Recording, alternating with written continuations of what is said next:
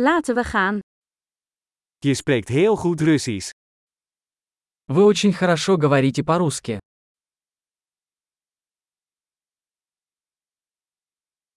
Ik voel me eindelijk op mijn gemak als ik Russisch spreek. Я наконец-то чувствую себя комфортно, говоря по-русски.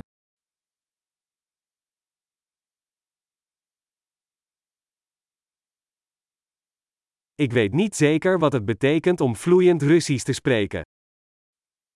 Я не уверен, что вообще означает свободное владение русским языком.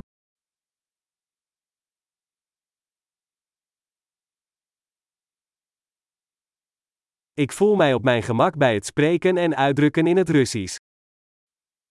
Мне комфортно говорить и выражать свои мысли на русском языке.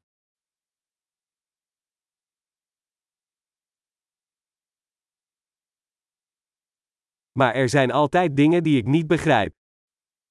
Но всегда есть вещи, которых я не понимаю.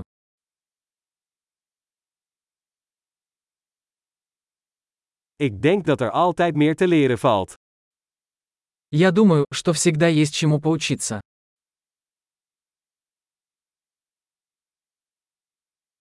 Ik denk dat er altijd Russisch-taligen zullen zijn die ik niet helemaal versta. Я думаю, что всегда найдутся русскоязычные люди, которых я не до конца понимаю.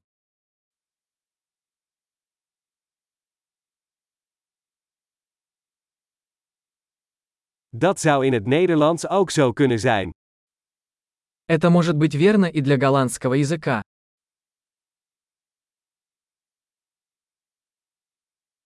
Soms heb ik het gevoel dat ik in het Russisch een ander persoon ben dan in het Nederlands. Иногда мне кажется, что я другой человек по-русски, чем по-голландски.